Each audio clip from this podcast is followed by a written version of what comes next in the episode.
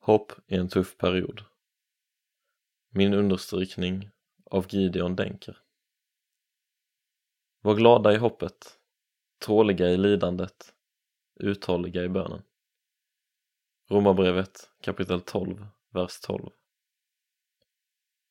Jag tror att många av oss känner igen att man befinner sig i en tuff period just nu.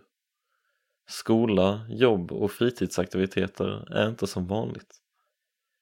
Det var alldeles för länge sedan man kunde träffa kristna vänner normalt.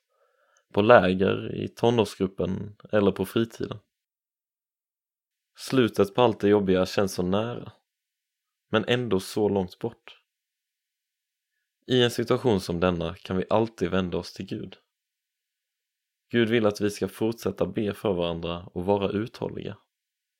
Han uppmanar oss till att vara glada i hoppet att våga tro att han har kontroll över situationen och lita på att han vill vårt bästa.